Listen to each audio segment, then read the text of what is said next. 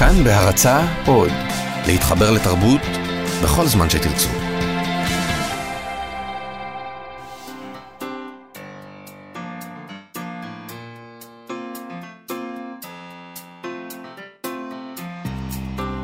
מה שכרוך, עם שירי לב-ארי וענת שרון בלייס. צהריים טובים לכם, צהריים טובים, ענת. צהריים טובים, מאזינות ומאזינים, ושירי. אנחנו אה, במה שכרוך, מהדורת סוף השבוע של תוכנית הספרות של כאן תרבות. אפשר למצוא אותנו גם באתר של כאן תרבות. אה, יש לנו שם פודקאסטים רבים וטובים, גם של מה שכרוך. ליטל אמירן איתנו על ההפקה, שרון לרנר על הביצוע הטכני. ענת, איך הייתה ההופעה של בריאן אדמס? לא יודעת, שמתי מסקן טייפ. כדי לא לראות את הגברים שרוקדים. כדי בדיוק, שאני לא אראה אותם רוקדים. על טהרת הנשים. הופעה נהדרת, ועלינו עד לעיר הבירה הרשמית. כדי לראות את בריאן. כדי לראות אותה, מן העמק עד לעיר הבירה. אז אתמול זה נהיה באמת רשמי, אולי נתייחס לזה גם בהמשך. אנחנו היום עם יפה הבלורית והתואר, סיפור חייו של הסופר סמך יזהר, כרך שני רואה אור בימים אלה, ופרופסור ניצה בן ארי, שכתבה את הספר, תהיה איתנו באולפן. מנופי הארץ היזהריים, אנחנו נעבור לניו יורק סיטי, לברוקלין. הוא נתגלגל עם גיבורו, או גיבוריו בעצם, של הסופר היהודי-אמריקאי נתן אנגלנדר, אל הצגת תיאטרון חדשה, קרקס של יהודים שמוצגת בתיאטרון חיפה, ומבוססת על הסיפורים של אנגלנדר. משם לספר חמדת, אנחנו נישאר עם אמריקה של הסופרת האפרו-אמריקאית טוני מוריסון. השנה מלאו 30 שנה לפרסומו של חמדת ב-1987.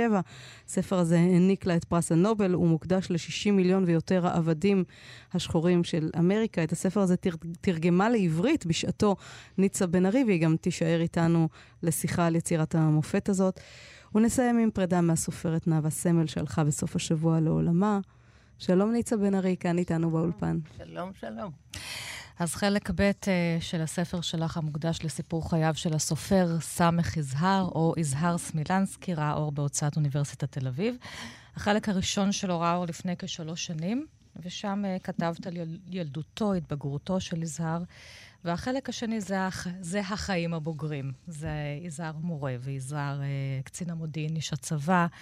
יזהר הסופר, יזהר חבר הכנסת, בן הזוג, ההורה, המאהב.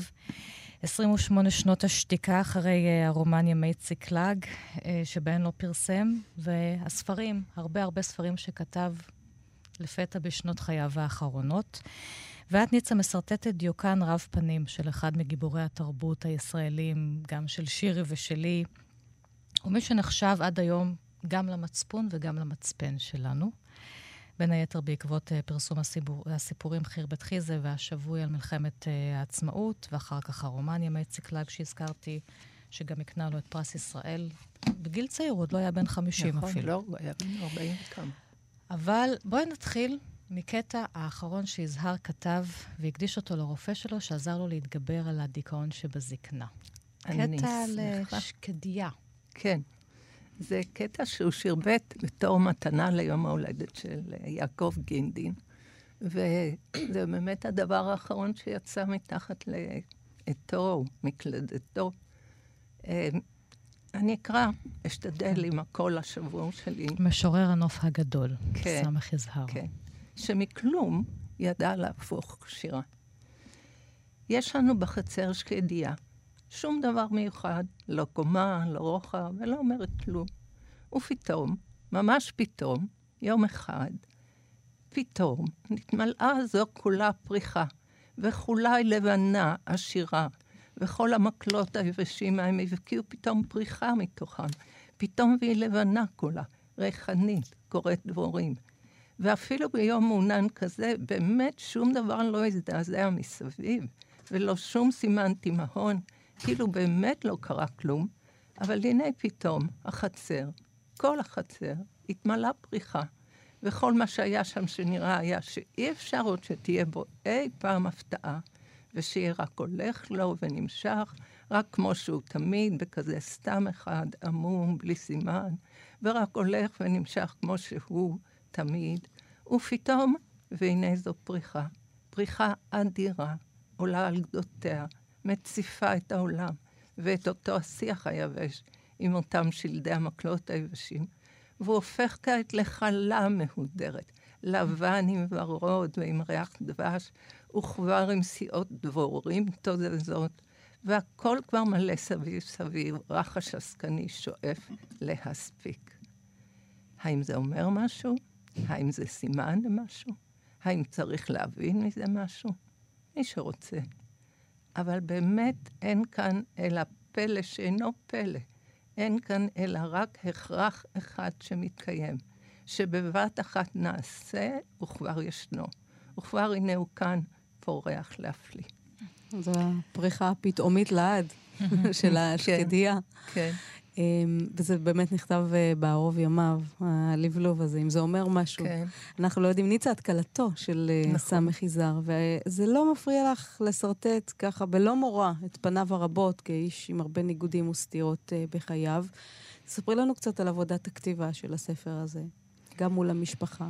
כן, לא רק שזה לא מפריע לי, אלא אני חושבת שזה נותן לי איז- איזושהי סוג של הסתכלות שלא יכולה להיות לבן אדם אה, שבא מן הצד ולא מכיר אותו אישית כל כך טוב ואת כל המשפחה. באמת התברכתי בכך. אז אה, קודם כל, לא התחלתי לכתוב, אלא אחרי שהתחילו לשאול כל מיני אנשים, מה יהיה, אין אה, ביוגרפיה של יזהר, מי יכתוב ביוגרפיה. ואז חשבתי בליבי, אוי ואבוי, יצאו כאן כל מיני ביוגרפיות מטעם, ואולי אני צריכה להתגייס לזה. ואז ניהלתי שיחות רבות עם אה, נעמי, חמותי, ויום אחד היא הפתיעה אותי, ובנוכחות כל המשפחה, מסרה לי את כל היומנים שלה, ונתנה לי את כל המכתבים. לא תאמינו כמה מכתבים היו שם. הכל מסודר בקפידה לפי שנים ולפי נושאים, חוץ כמובן מאלה שהיא השמידה או שרפה או לא העבירה את הצנזורה שלה. אה, ואז הייתה לי באמת תמונה כל כך מקיפה של הדברים, שיכולתי באמת להתחיל אה, לחקור את הנושא.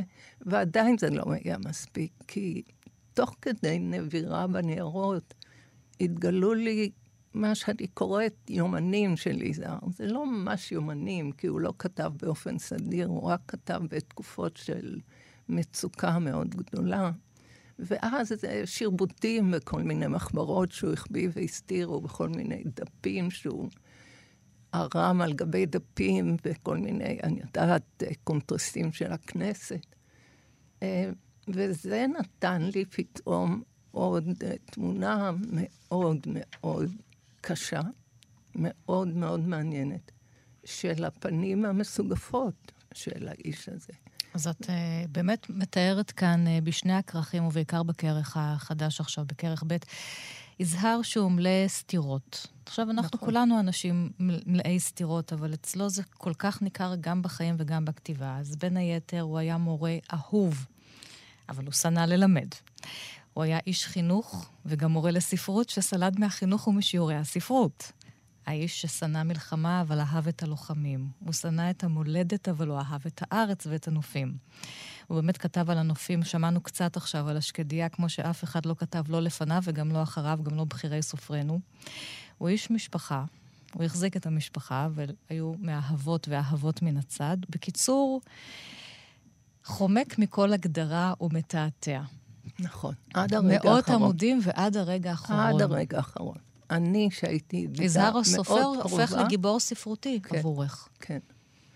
אה, טוב, חלק מהדברים הם לא ממש מדויקים, אבל כן, אלה הסתירות. תראי, הוא היה חבר כנסת בתקופות מסוימות, אה, פשוט שבוי של בן גוריון. זהו, זה משהו שרציתי אותו. לשאול יותר כן. מאוחר, אבל כבר נתעכב עליו. הרי הוא כן. כתב לנעמי לא פעם ולא פעמיים, הייעוד שלי הוא להיות סופר, זה כן, הייעוד שלי. כן, מה אדם כמוהו, גם רגיש במובנים רבים, נכון. איש של אסתטיקה, הולך לכנסת, לפוליטיקה, נכון, המקום הרחוק נכון. ביותר מרגישות ואסתטיקה. אז מסתבר שהבטיחו לו, כאשר הזמינו אותו לבוא לכנסת, שהוא יעבוד שלושה ימים בשבוע, וכל היתר הוא יוכל אה, לכתוב. לעסוק בכתיבה. ובאמת, גם בכנסת, אני מודה, הוא ישב וכתב. הרבה בן פעמים... גוריון קרא לו, בן גוריון, למרות כן, הסיפורים הקשים כן. שלו להפך, והביקורת, קרא לו, דווקא דווקא. בגלל, דווקא בגלל. כי למפ"ם, נגיד, למפ"ם היו כל הסופרים הצעירים הלכו דווקא אליהם, ויגאל אלון היה האליל, לא בן גוריון. Mm-hmm. ופתאום יש כאן צעיר אחד, סופר באתן, שהוא דווקא לצד הבן גוריוניסטים, זה מאוד מצא חן בעיני בן גוריון, אבל גם מצא חן בעיניו שיזהר בועט ולא כותב דברים אה, מוזמנים, כי הוא קורא לו לכנסת לאחר קריאת השבוי, והשבוי זה לא סיפור תם ויפה שמהלל את אה, גבורת חיילי ישראל, זה סיפור, כמו חרבת חיזה בעצמו, שמעלה שאלות של מה זה צבא מוסרי. כן. ומה מותר או אסור לצבא מוסרי לעשות. שאת זה הוא כותב תוך כדי המלחמת העצמאות כן, שלנו, שמי כן. בכלל שואל פה שאלות מוסריות כשאנחנו נלחמים על חיינו כמה שנים אחרי אז, השואה. כן, אז איך אפשר בכלל לנתח שכן, את המוסר? תגידי, מה, הוא היה עולה היום לאיזשהו, לאיזושהי ועדת כנסת עם זה ששלושה ימים הוא שם וכל השאר הוא בבית, הוא מבזבז לא כספי ציבור? אין לי מושג. הוא גם נסע כן. נסיעות לחו"ל. שעל חשבון אה, שהותו בכנסת, אבל כולם עשו את זה אז. זה מין, את יודעת, הנורמה הזאת של כולם עשו, אז, אה, אז כולם עושים.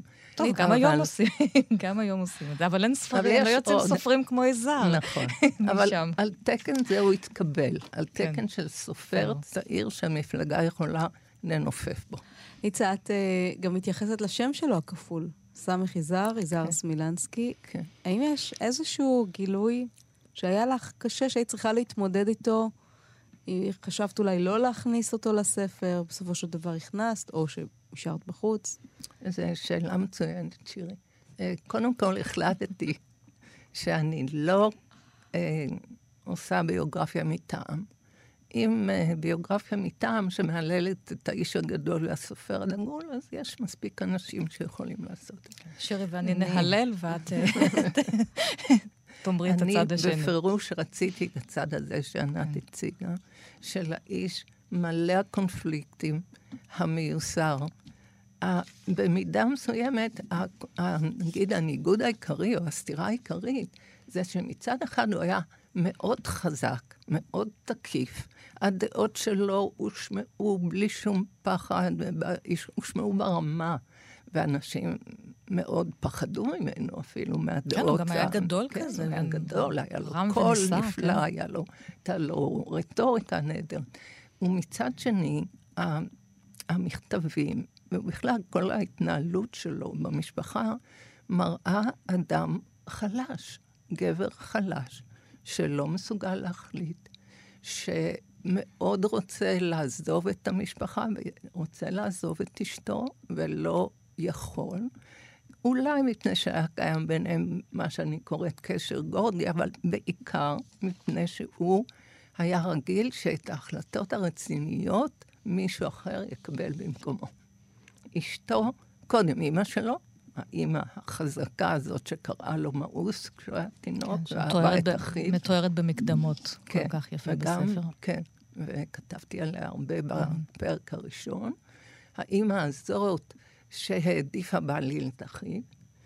האבא חלש, אבל אחר כך אה, אשתו, שלקחה פיקוד על כל מה שקרה בחייהם. ואז היא לקחה פיקוד על הילדים, אז כבר אין לו מה להגיד על הילדים. ואם היא מרוב תסכול או חמת זעם, או מפני שהיא מרגישה שהיא לא אישה נאהבת, אני, אני לא רוצה להיכנס לפסיכולוגיות אה, פשוטות וזולות כאלה. אבל היא הפכה להיות אימא מכה. וזה לא דבר שהיה פשוט לי לכתוב. מישהו אמר לך לא לכתוב? מישהו, לא, כן, מבני לא, המשפחה? להפך, להפך. קיבלתי גם מנעמי עם חותמת שלה, שאמרה, אני רוצה שסוף סוף ידעו את האמת. כך היא אמרה, קבל עם ועדה. וגם מבני המשפחה, אה, לא היה להם קל עם זה. בעיקר לבת שהיא הילה אה, גיסתי המופלאה, שנתנה לי המון המון פרטים וזיכרונות, אבל היה קשה לה לקבל דמות אה, כזאת של אביה על הכתב, היא ידעה את זה, אבל היא לא עכשיו, נגיד, אה, כל המשפחה תדע. מה יגידו הנכדים שמעריצים אותו? מה יגידו אלה? מה יגידו, מה יגידו הקוראות שמעריצות אותו? אבל רגע, אני, אה, שאלה בסיסית ביותר כשמדברים על כתיבת ביוגרפיה של סופר, זה באמת שאלת הקשר בין הביוגרפיה לבין הכתבים שלו, לבין נכון. היצירה. כי יש אסכולות שלא קושרות בין הביוגרפיה לבין היצירה שאמורה לעמוד בפני עצמה, ואין קשר לנסיבות כתיבתה ולמי שכתב אותה. אבל הרבה פעמים ביוגרפיה כן נותנת מפתחות להבין את היצירה. אז, אז באיזה אופן הביוגרפיה שאת כתבת על שני כרכיה אה, יכולה לתת מפתחות למי שרוצה להתעמק בכתבים של סמי חיזר? אה, קודם כל, המתנגד העיקרי לכתיבת ביוגרפיות היה יזהר. יש לו פרקים שלמים שהוא מקדיש לזה שביוגרפיה לא תורמת, שהעובדה שאיזה אקליפטוס מיתמר מעל כל יתר העצים הקטנים ביער, זה הוא כתב לעצמו כמובן, בהרבה ענווה, אה, אי אפשר להסביר אותה בשום בית גידול, בשום אה, משפחה או, או ביוגרפיה. ואני הולכת כאן בפירוש נגדו, הוא בטח אה, צוחק עליי שם מלמעלה ואומר, אוקיי, נראה אותך. כן, כי הספר גדוש במסמכים ומכתבים כן, שבאמת כן. מראים כל דבר, איך השפיע על הכתיבה שלו, פעמים רבות, בוודאי בסיפורים הראשונים, שוב על מלחמת העצמאות, נכון. תכף ניגע בזה, זו נכון. ממש דוקו-פרוזה. נכון.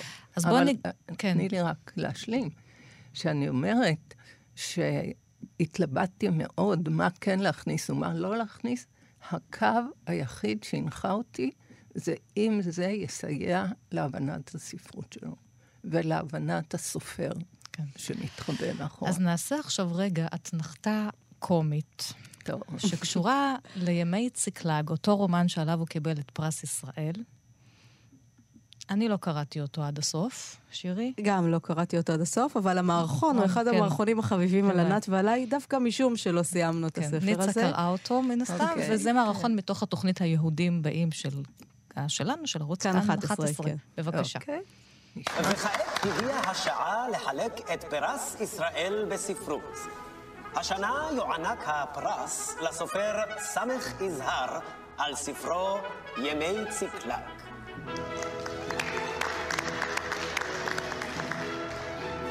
ימי ציקלג, יצירת מופת של הספרות הישראלית. יצא בהוצאת עם עובד. אך ציקלג, ציקלג. איזה ימים היו הימים האלה של ציקלג. אך ציקלג הזה והשטויות שלו. אבל בעצם, למה שאני אאריך בדברים אם נמצאים כאן חברי ועדת הפרס, אשר יסבירו וינמקו ויפרטו מנימוקיהם. תודה רבה. כן, אה, ימי ציקלג זוהי ללא ספק יצירת מופת של הספרות הישראלית. כן, אנחנו כל כך אהבנו את הספר הזה שאנחנו רכשנו שני עותקים שלו. אה, לא, לא, אלה שני כרכים. אה, הספר יצא בשני כרכים. אה, כמובן, שני כרכים, כן, כרך א', כרך ב', וכל אחד ראוי לפרס בפני עצמו.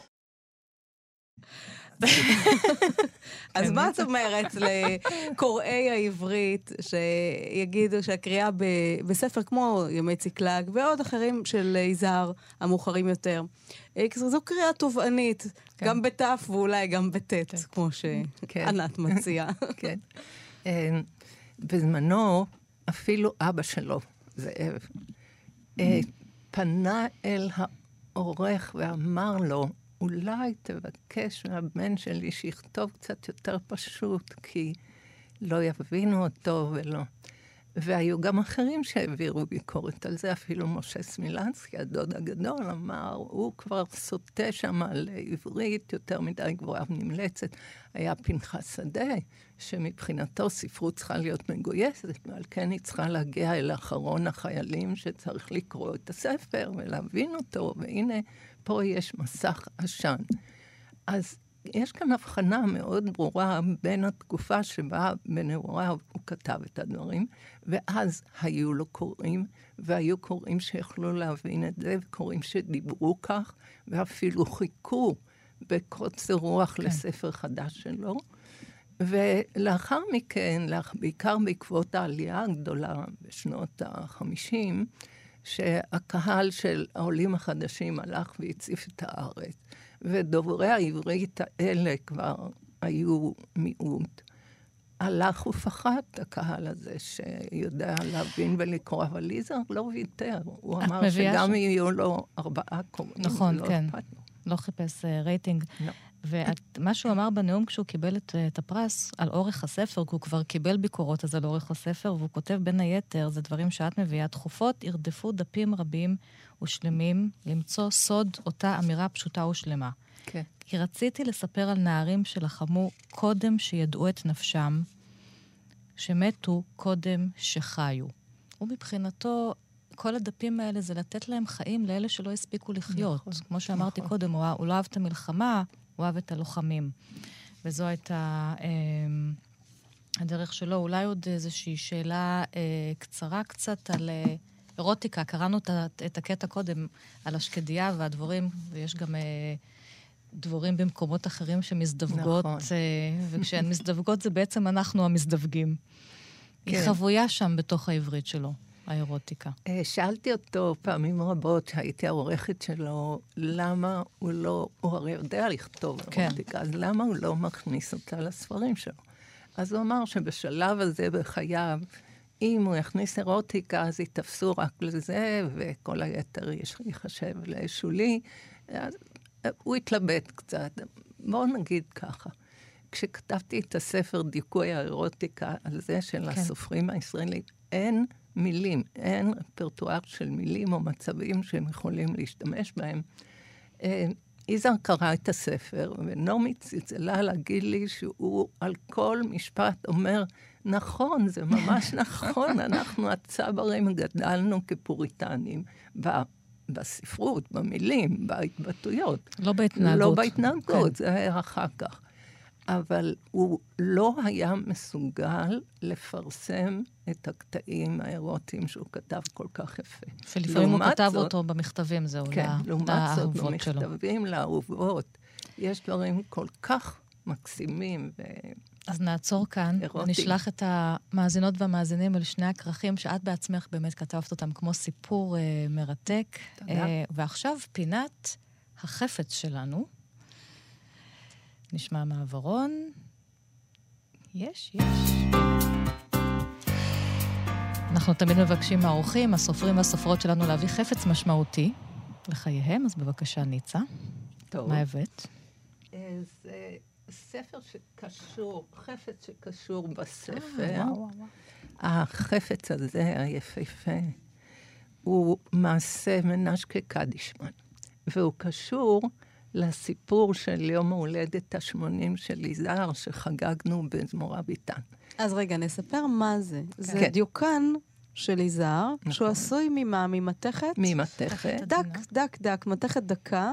אנחנו נעלה את התמונה של הדיוקן מתכת הזה של אה, קדישמן, אה, של יזהר, שעשה כן. קדישמן כמובן, לעמוד הפייסבוק שלנו, אז תוכלו שם לעקוב כן. אחריו. כן, ניצה. אז. זה ביום, ביום ההולדת ה-80 של יזהר. אז ביום ההולדת ה-80 של יזהר עשינו לו בהפתעה גם מסיבה גדולה וגם הוצאנו לאור את כל כתביו בזמורה ביטן. זה היה אוהד זמורה שהיה ממש פנטסטי, עורך ומו"ל יוצא מן הכלל, והוא שבעצם החזיר את uh, יזהר לכתיבה. ו...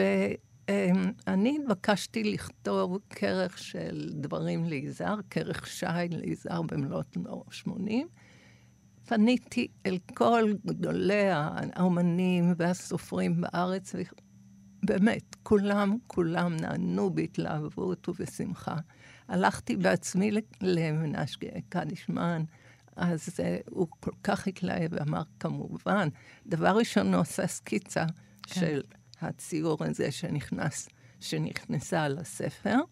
אבל אחר כך הוא הביא גם את, ה, את היצירה כן, הזאת. זה מין פסלון עדין, עדין, כן, עדין, ממש ממתכת דקיק, כמו דף נייר, אבל... אה, יש הרגשה שממש כן. עשו בלייזר את החריטה הזאת. זה אולי באמת איזו תפיסה מדויקת של אה, כן. מי זה יזהר, כן. האיש כן. הגדול והעדין הזה. כן. תודה רבה, ניצה בן ארי. את נשארת לכם. איתנו לאייטם נוסף בהמשך על אה, חמדת. אה, ואנחנו נשמע לסיום שיר שאת מקדישה לאימא שלך שהייתה בצבא הבריטי, זה כבר סיפור אחר לגמרי. נכון, נכון. אז בבקשה. תודה, ניצה. יופי, תודה. קרקס של יהודים היא הצגה חדשה בתיאטרון חיפה, שמבוססת על קובץ הסיפורים גלגול בפארק אבניו, שכתב הסופר היהודי-אמריקאי נתן אנגלנדר. פסיפס אנושי, קומי, דרמטי, מצחיק ואפלולי בלב ברוקלין בניו יורק, בירת העולם החופשי, ושם מתקיים לו מיקרו-קוסמוס של יהודים חרדים, לובשי שחורים, פאות ומגבעות, ממש כמו אבותיהם בשטטל. נשמע קטע מן ההצגה.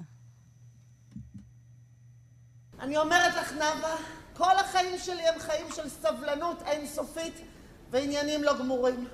התחתנתי בגיל 18, 18 שנים הייתי נשואה, 18 שנים אני מחכה לגט. ומי מההתחלה אמרה מספרים מיסטיים? הם מחכים שברל ימות מזקנה. את תקבלי את הגירושים שלך מברל רק אחרי שתניחי אבן על המצבה שלו. אבל אם את שואלת אותי, גיטה, את צריכה לדאוג לעצמך, כי אף אחד אחר לא ידאג לך. אבל מה אני יכולה לעשות, נאוה? כל מה שצריך זה קצת דמיון, גיטה. תדמייני את ברל על הכביש בחנייה מאחורי בית הכנסת, שוכב. הידיים שלו לא זזות, הרגליים שלו קפואות לגמרי. האף שלו בתוך שלולית של דם, והוא טוטלוס. איך הוא הגיע לשם? רק הקדוש ברוך הוא יודע. שלום לבימי ההצגה, רוני ברודצקי. שלום, שלום. אז הסיפור שאנחנו שומעים, הוא, הקטע ששמענו מתוך סיפור אה, אחות עגונה על אישה שמפנטזת על אה, מות בעלה, שעוגן אותה בעצם. נכון. וההצגה כולה נקראת קרקס של יהודים, כי באמת היא מתארת אה, סיטואציות שמבבת מבחוץ זה נראה אולי משהו נורא נורא קומי וקצת קרקסי, גם יש סצנה של קרקס באחד הסיפורים. ויחד עם זאת יש שם גם סיפורים די כאובים. נכון.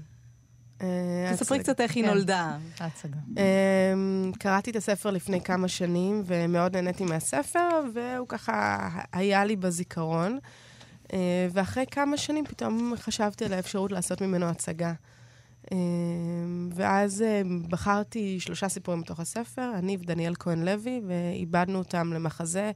אה, כשקישרנו בין הסיפורים ובין הדמויות. בספר הם עומדים כל אחד בפני עצמו, אבל במחזה בעצם כל הדמויות נפגשות והן משפיעות אחת על השנייה.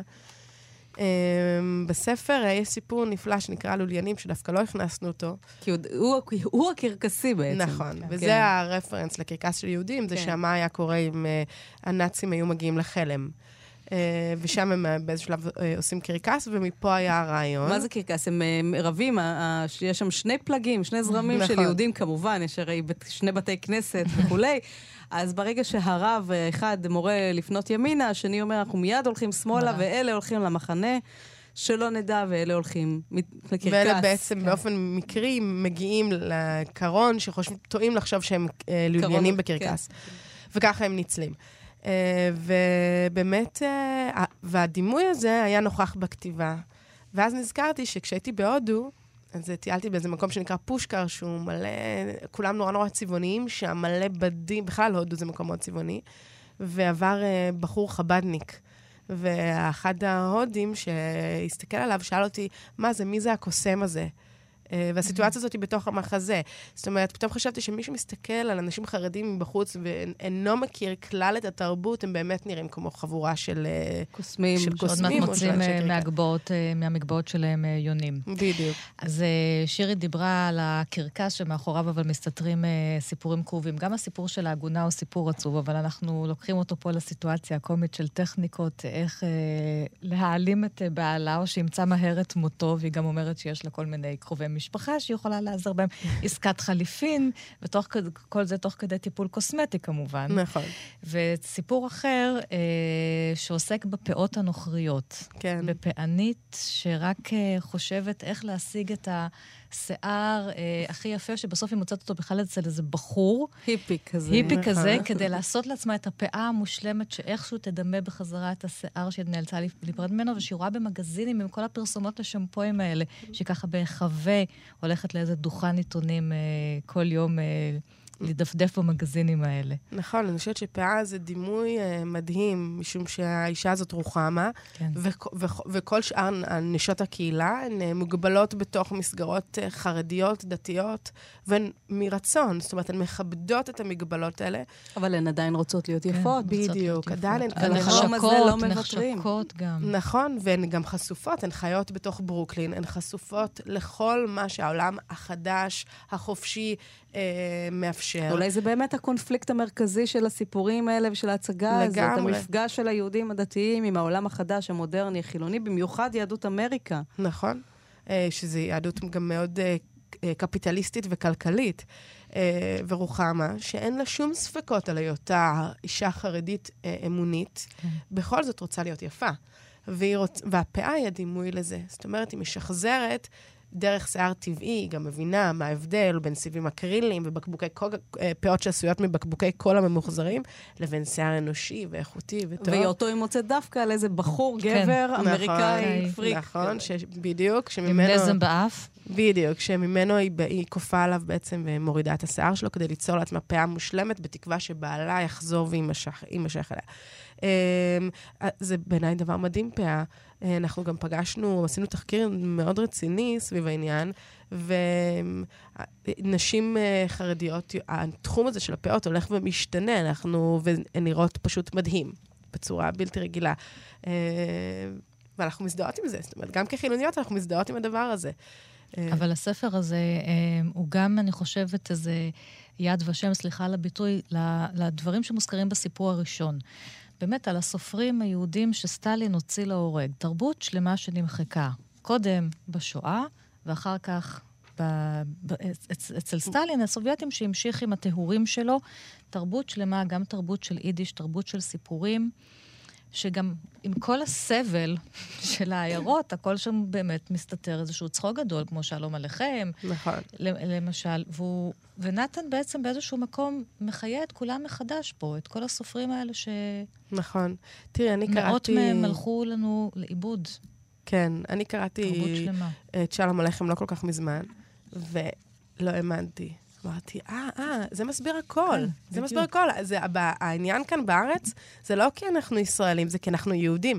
כאילו, כל החוצפה אה, וה- לעקוף בתור ולהעיר הערות, זה אצל. שלום עליכם. זה ברור כן, שאנחנו כן. משחזרים פה עיירה. נכון. אבל אה, בהמשך לשאלה של ענת, באמת אה, נראה שאולי דווקא בגלל שיהדות אמריקאית נהנית מ- בסך הכל ממקום טוב באמצע, כן? בתוך יהדות אמריקה. הנה, רק אתמול דונלד טראמפ ריצה אותם עד הסוף, והכריז על, על ירושלים כבירתנו האמיתית. אז אני- יכול להיות שדווקא על הרקע הזה, שהיהדות שם יותר מבוססת, יותר בטוחה בעצמה, אה, יותר אמריקאית, אז אנגלנדר חש איזה צורך להעמיד אלטרנטיבה. והאלטרנטיבה.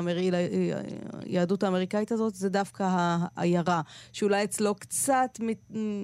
מצטיירת כאיזה גן עדן אבוד. כמובן מנדלה וגם שלום עליכם, לא בטוחה שהיו חותמים על ההגדרה הזאת של גן עדן אבוד על השטטל, עם כל הבערות והעוני וכולי וכולי שהם, שהם תיארו בסיפורים שלהם, אבל...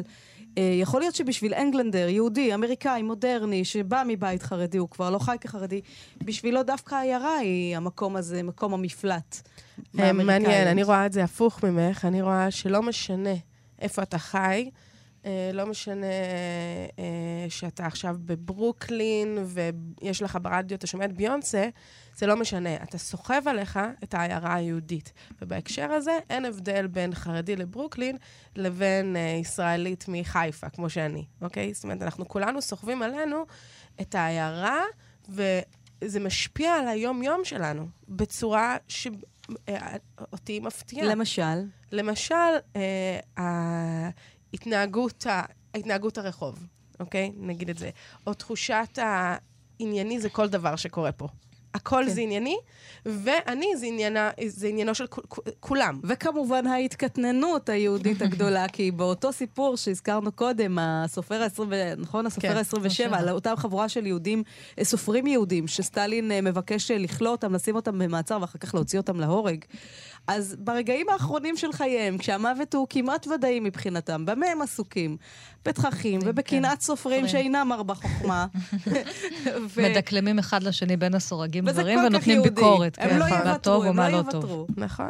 תראי, אני בסיפור של ה- אה, האחת האחרונה, הסיפור של העגונה שהיא מסירה שערות, אה, אומרת לה גיטה, אני אגיד את הציטוט מההצגה, כי אותו אני זוכרת בצורה יותר מובהקת, היא אומרת לה, אה, לא משנה כמה אני אנסה להוריד לך את הזקן, אי אפשר לעקור את השורש. אה, זאת זה הבעיה, נכון. תנסי, כל מה שתנסי, את לא יכולה לברוח- לברוח מהשורשים שלך.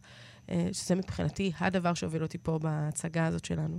או, ב, או בסיפור שגם, עם הקרקס והשני אה, אה, זקנים שעומדים בתור עם הנכד, ואז הוא רואה את המספרים, שיש מספרים אה, כן. עוקבים על הזרוע. נכון. ואז הוא שואל, מי היה לפני, איך זה שיש במחנה?" מספרים, איך זה שהמספר שלו לפני המספר שלך?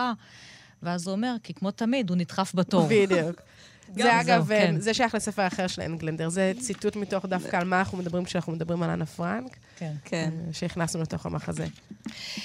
רוני ברודצקי, הספר, אה, של גלגול אה, בפארק. אה, אבניו. אה, קרקס של יהודים, זה המחזה שלך בתיאטרון חיפה. המון תודה תודה לכם. שהגעת אה, לעיירה שלנו כאן. תודה. להתראות, תודה רבה. חמדת היא בת שלי. שלי, תבינו. היא חזרה אליי מהרצון החופשי שלה, ואני לא צריכה להסביר שום דבר. לפני זה לא היה לי זמן להסביר, כי הייתי צריך לעשות את זה מהר. מהר. הייתה צריכה להיות במקום בטוח, והבאתי אותה לאיפה שצריך. אבל האהבה שלי הייתה קשה, ועכשיו היא חזרה. ידעתי שזה יהיה. פול די הבריח אותה אז. לא הייתה לה ברירה אלא לחזור אליי בבשר ודם. אני מתערבת שבייבי סאגס עזרה מהעבר השני. אף פעם אני לא אתן לה ללכת. אני אסביר לה, אפילו שאני לא חייבת, למה אני עשיתי את זה. איך שאם לא הייתי הורגת אותה, היא הייתה מתה, ואת זה לא הייתי יכולה לסבול שיקרה לה.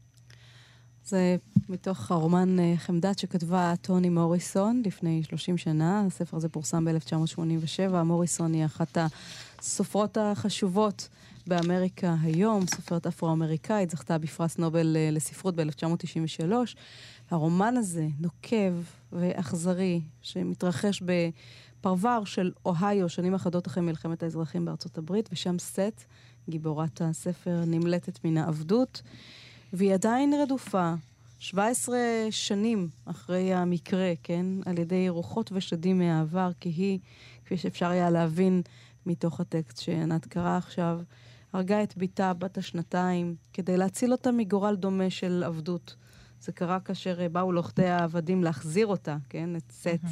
אה, לעבדות, והיא רצתה לכרות על, ה, לחרות על המצבה של הת, התינוקת, חמדת ליבנו, אבל היא נאלצה לשכב לשם כך עם חורת המצבות, וקיבלה בתמורה רק ארבע אותיות, חמדת. וכך זכתה הילדה לשמה לאחר מותה, ומאז היא רדופה, סט. אה, על ידי הרוח של חמדת, אנחנו נגיד שוב שלום לפרופסור ניצה בן ארי, את תרגמת את הספר הזה בשעתו. נכון. השם חמדת, ככה באנגלית זה beloved, אבל בעברית mm-hmm. יש לזה קונוטציה מאוד יהודית, בגלל חמדת ימים אותו קראת, כן, השבת, כן, ובגלל כן. חמדת של עגנון. נכון. אה, אני לפני שבוע, אני חושבת, נתתי הרצאה בחיפה על שני טקסטים שתרגמתי. אחד היה צייד הסנארק של לואיס קרול, והשני היה חמדת. הסברתי שכל ספר זה עולם ומלואו. את צייד הסנארק בשום אופן לא הסכמתי לעברת את השם. היו כאלה שאמרו שאת הסנארק צריך, נגיד, אם זה סנייל ושארק, או סנייק ושארק, זה צריך להיות קרחש או משהו כזה. אני אמרתי, לא, זה כבר מושג בתרבות, ואי אפשר לעברת את זה. אה, נלחמתי על זה. וכאן אני מוצאת את עצמי כמעט לראשונה מעברתת שם של גיבורה.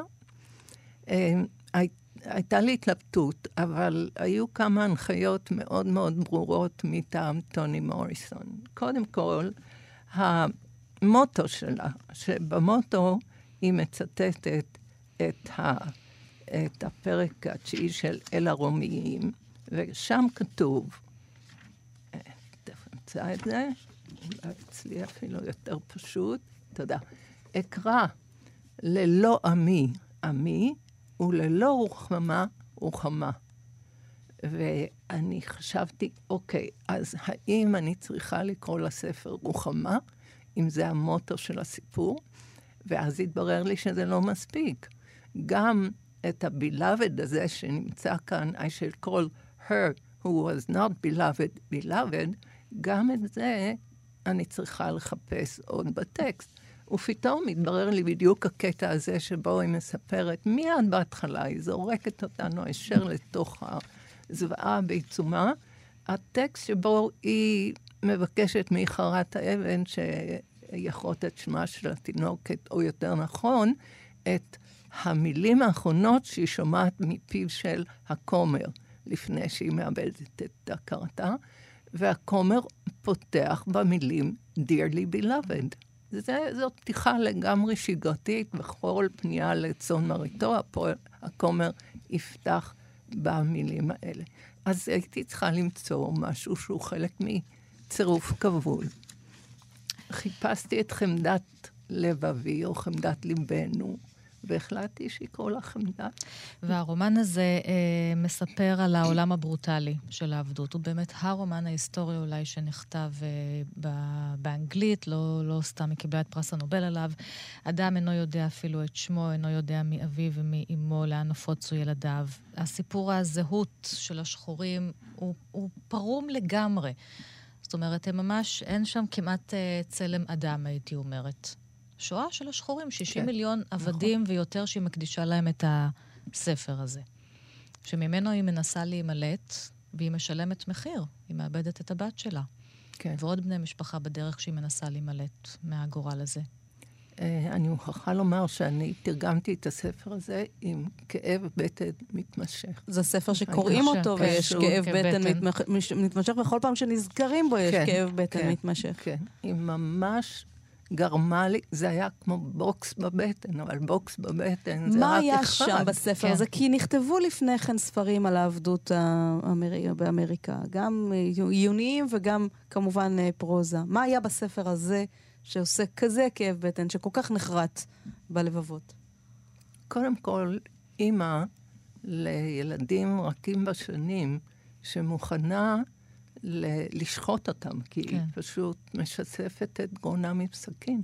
היא מוכנה לשחוט אותם, ובלבד שהם שלה. לא יעברו חיים כמו שלה, זה כבר התחלה ממש מצמררת. זאת אומרת, ההיסטוריה הזאת של העבדות, צריך למחוק אותה, לא להשאיר לה זכר. אין לה זכות קיום. נכון, אבל לעומת זאת, מה שטוני מוריסון עושה, ואת אמרת את זה בצדק, היא לוקחת לעצמה את התפקיד של לכתוב היסטוריה משפחתית לכל אלה שבעצם אין להם שום מושג מי האבא שלהם, מי האימא שלהם. אימא של סט שפוגשת אותה בשדה אומרת לה, את רואה את הצלקת פה אצלי על הבטן? לפי זה תזכרי אותי. כשתראי את גופתי, mm-hmm. תדעי שזאת אני. זאת הסבתא. כן. אין לה שום אינדיקציה אחרת. כן. והיא דיברה על זה, טוני מוריסון, כשהיא קיבלה את פרס הנובל, היא אמרה, זאת המחויבות שלה, להעמיד שפה, כי השפה שהייתה קיימת היא שפה אה, שלא רק ייצגה אלימות, אלא הייתה אלימה בעצמה, היא הגבילה את הידע. והמטרה שלה, הפוליטית וההיסטורית, הייתה להשתיק את סבלם של המיליונים. אותה שפה שהייתה וה, לפני. כן, אין פה רק סיפור, כן. יש פה מבחינתה בריאת שפה. שפה. ובאמת, אחד הקשיים בספר היה להתמודד עם כל סוגי השפה שהיא מגיעה. כן. כי זה לא טקסט אחד, זה טקסט של סת', זה טקסט של פול די, וזה טקסט של אחרים. זהו, של, מה כן, אפילו של חמדת. נכון, של חמדת, של דנבר, כן, הבת הנוספת ו- שלה. כן, ואז זה לגמרי משהו אחר, זה סגנון אחר, זה קצת אה, מעורפל. כי כל אחד חווה גם אחרת את רוח נכון. הרפאים הזאת, את אותה חמדת שחוזרת כרוח נכון. רפאים לרדוף את הבית. כן, אבל גם יש משהו... מן התרבות השחורה שאנחנו צריכים להבין, והוא שהמתים והחיים הם יחד. אין הפרדה. Mm-hmm. זה לא העולם ההוא והעולם הבא. יש עולם אחד שבו המתים נמצאים יחד עם החיים. מציקים להם, רודפים אותם, מזיזים להם רהיטים בחדר. אבל גם רוח הרפאים הזאת היא, היא אותה רוח רפאים שהספר הזה יוצר, שרודפת את החברה כן, האמריקאית, כן, ולא נכון. נותנת להם לשכוח את הרצח הזה. נכון. והיא עושה את זה בצורה כזאת שאי אפשר לשכוח את הספר, מגיע לה בהחלט גם פרס פוליצר שהיא קיבלה לה וגם פרס נובל שהיא קיבלה. בסופו של דבר, הפרויקט של טוני מוריסון בכלל, גם בספר הזה וגם uh, בשאר הספרים שלה, זה לכתוב את ההיסטוריה של השחורים, כן, את ההיסטוריה כן. של הצבע השחור, ואחר כך ללמד אותנו להסתכל מעבר לצבעים. נכון. לחזור בחזרה לכן, ולראות את כולם כן, שווים. נכון. הצבעים משחקים שם בהתחלה תפקיד נורא נחמד, שבייבי סאגס מבקשת ממנה להביא לצבעים מאיזשהו מקום, שלא יהיה רק השחור הזה. אבל ההיסטוריה של השחורים, או ההיסטוריה המשפחתית, נמצאת גם בספר ג'אז, שגם נכון. אותו תרגמתי, שהוא גם יפהפה, ואפילו יותר מתוחכם. גם בו, אנשים שלא יודעים מה המקור שלהם, מנסים להתחקות אחר איזשהו סימן של מי הייתה אימא שלי, מי היה אבא שלי, מאיפה הגעתי, איזה עוול נורא עשו לנו. ובכל הספרים, כולל בחמדת, היא הולכת עד לספינת הבתים. יש שם קטע קשה מאוד שמתרחש ממש בבטן אוניית כן. אלה דברים מצמררים. עכשיו, לנו, כבוגרי השואה, אם אפשר להגיד את זה באופן ציני, גם לנו חסר המון חומר על סבא וסבתא, ונגיד ההיסטוריה המשפחתית שלנו נקטעת באיזה מקום. אבל לכל אחד יש איזשהו, את יודעת, תמונות משפחתיות של סבא וסבתא, ואיזושהי תחושת שייכות לעיירה, כמו ששמענו קודם, למשפחה. ניצה בן ארי, תודה רבה לך, גם על סמך יזהר, גם על טוני מוריסון, חמדת שליווית אותנו בשידור הזה. תכננו או לא תכננו לומר דברים על אה, נאוה סמל שקשורים בעצם גם כן לסיפור משפחתי. כן, אנחנו... עם כאבים מכיוונים אחרים. נפרדנו השבוע מנאוה סמל שהלכה לעולמה בגיל 63. היא הייתה אמורה להתארח אצלנו בתוכנית אה, כן. בתקופת החגים עם הספר האחרון שלה, פאני וגבריאל, אבל לא הספקנו. היא כבר הייתה חולה. אה, נאוה סמל במין אופטימיות של אנשים עם עוצמה פנימית נדירה ועם ראש מלא ברעיונות, כתבה ספרים ומעשיות יפים, משונים, כואבים, מצחיקים. פעם כתבה ספר לנוער, פעם רומן למבוגרים, פעם מחזה, פעם ספר שירים. וכך יצירה ועוד יצירה, ספר ועוד ספר. יצרה קורפוס משלה בתוך עולם הספרות הישראלי שהוא מאוד דחוס ולפעמים גם אכזרי. קורפוס קול משלה, והקול הזה סיפר לנו את הסיפור היהודי-ישראלי בצורה פשוטה, חמה ואוהבת. אז לפעמים קורה שמעריכים סופר יותר רק אחרי uh, לכתוב, ונאוה סמל שבה בסיפוריה תמיד אל צחוק העכברוש ההוא, אל השואה ואל זיכרון השואה. אל בני הדור השני, שהיא עצמה הייתה חלק ממנו, ואל מה שהטראומה הזאת חוללה, ועדיין מחוללת בחברה הישראלית. זה היה בספר הראשון שהיא פרסמה בכובע זכוכית ב-1985, ואחר כך עם צחוק שלך בראש, שזה הספר אולי הכי ידוע שלה מ-2001. בשירים שהיא כתבה, בכובע הזכוכית. בשירים שכתבה, כן. נכון. וגם בספר האחרון, שמבוסס על סיפור החיים של הסבא והסבתא שלה, שגם שם יש התפרסות על יבשות, כן, ישראל, כן. אירופה, אמריקה. על כל מה שנגענו בו, ואני נראה לי שתמיד נהיה חסרות את השיחה, נהיה סקרניות מה היה עולה כאן בשיחה עם נאוה, והרומן האוטוביוגרפי הבדיוני הזה, סמל באמת כתבה על אה, סבה וסבתה מתוך קרעי זיכרון, מסמכים, שיחות וסודות. דיברנו איתך על זה היום, ניצה, איך את בונה. אבל היא סופרת נאוה, ומהרגע שאדם סופר, יוצר, נוטל את העט וכותב, הדמיון טובה את הסיפור. הדמיון, את יודעת, כן. הוא, הוא כל כך חשוב כדי שהסיפור יהיה אמין. נכון, בדיוק. אם לא בדיוק. תשתמש בדמיון ותשתמש רק בעובדות, זה לא ייראה אמין. והעובדות, אה, כפי שאמרת, הן חשובות בדיוק עד גבול מסוים, ואז צריך לשמוט אותן, כי הסיפור אה, חשוב יותר. וכך היא כתבה נאוה סמל אה, בהקדמה, בראשית הדבר לפני וגבריאל. האם לקרוא לזה סיפור אהבה? תלוי באיזו עין מתבוננים. יסלחו לי, יסלחו לי פאני וגבריאל, יהיו היכן שיהיו, סבא וסבתא, על החירות שאני נוטלת לעצמי ללוות את האהבה הראשונה, האחרונה שלהם, ולנסות לפענח את הזוגיות המתעתעת. על ניסיוני להרחיק אחורה, אל עולמם שהיה כה שונה מעולמי. אצלנו לא מתקשרים עוד במכתבים עם מעטפה ובול, והמרחקים בין היבשות התקצרו לכדי הקלקה, וצרות בזוגיות הן מקור פרנסה מכובד לפסיכולוגים וליועצים ולעורכי דין. עולם חדש שזנבו מחשקש בו. ועם זאת, הגורלות הישנים של הגבר והאישה האלה ממשיכים בדרכם המוזרה להקרין עליי את עולם, את אורם, אורם המוחזר, כמו שמש וירח. סבא וסבתא שהיו נשואים ובעצם חיו כל אחת ביבשת בנפרד. אחרת במשך אה, עשרות שנים, ורק בסוף אה, הגיעו לפה לארץ, הקימו יישוב בעמק יזרעאל, התגרשו ומיד נישאו בשנית. וה... ו- ו- ונאוה סמל כתבה את הסיפור אה, היפה הזה, שהסיפור שלהם, אה, ושל עוד, אה, אני חושבת, אנשים רבים פה, כמו שסיפרנו. אז אנחנו uh, נסיים את uh, מה שכרוך, תוכנית uh, מהדורת סוף השבוע, של תוכנית הספרות שלנו. אנחנו נודה לליטל אמירן על ההפקה, לשרון לרנר, על הביצוע הטכני. גם לך, ענת שרון בלייס. ולך, שירי לב-ארי, ולכל המאזינות והמאזינים שלנו, שאיתנו תמיד תודה. להתראות, שבת שלום.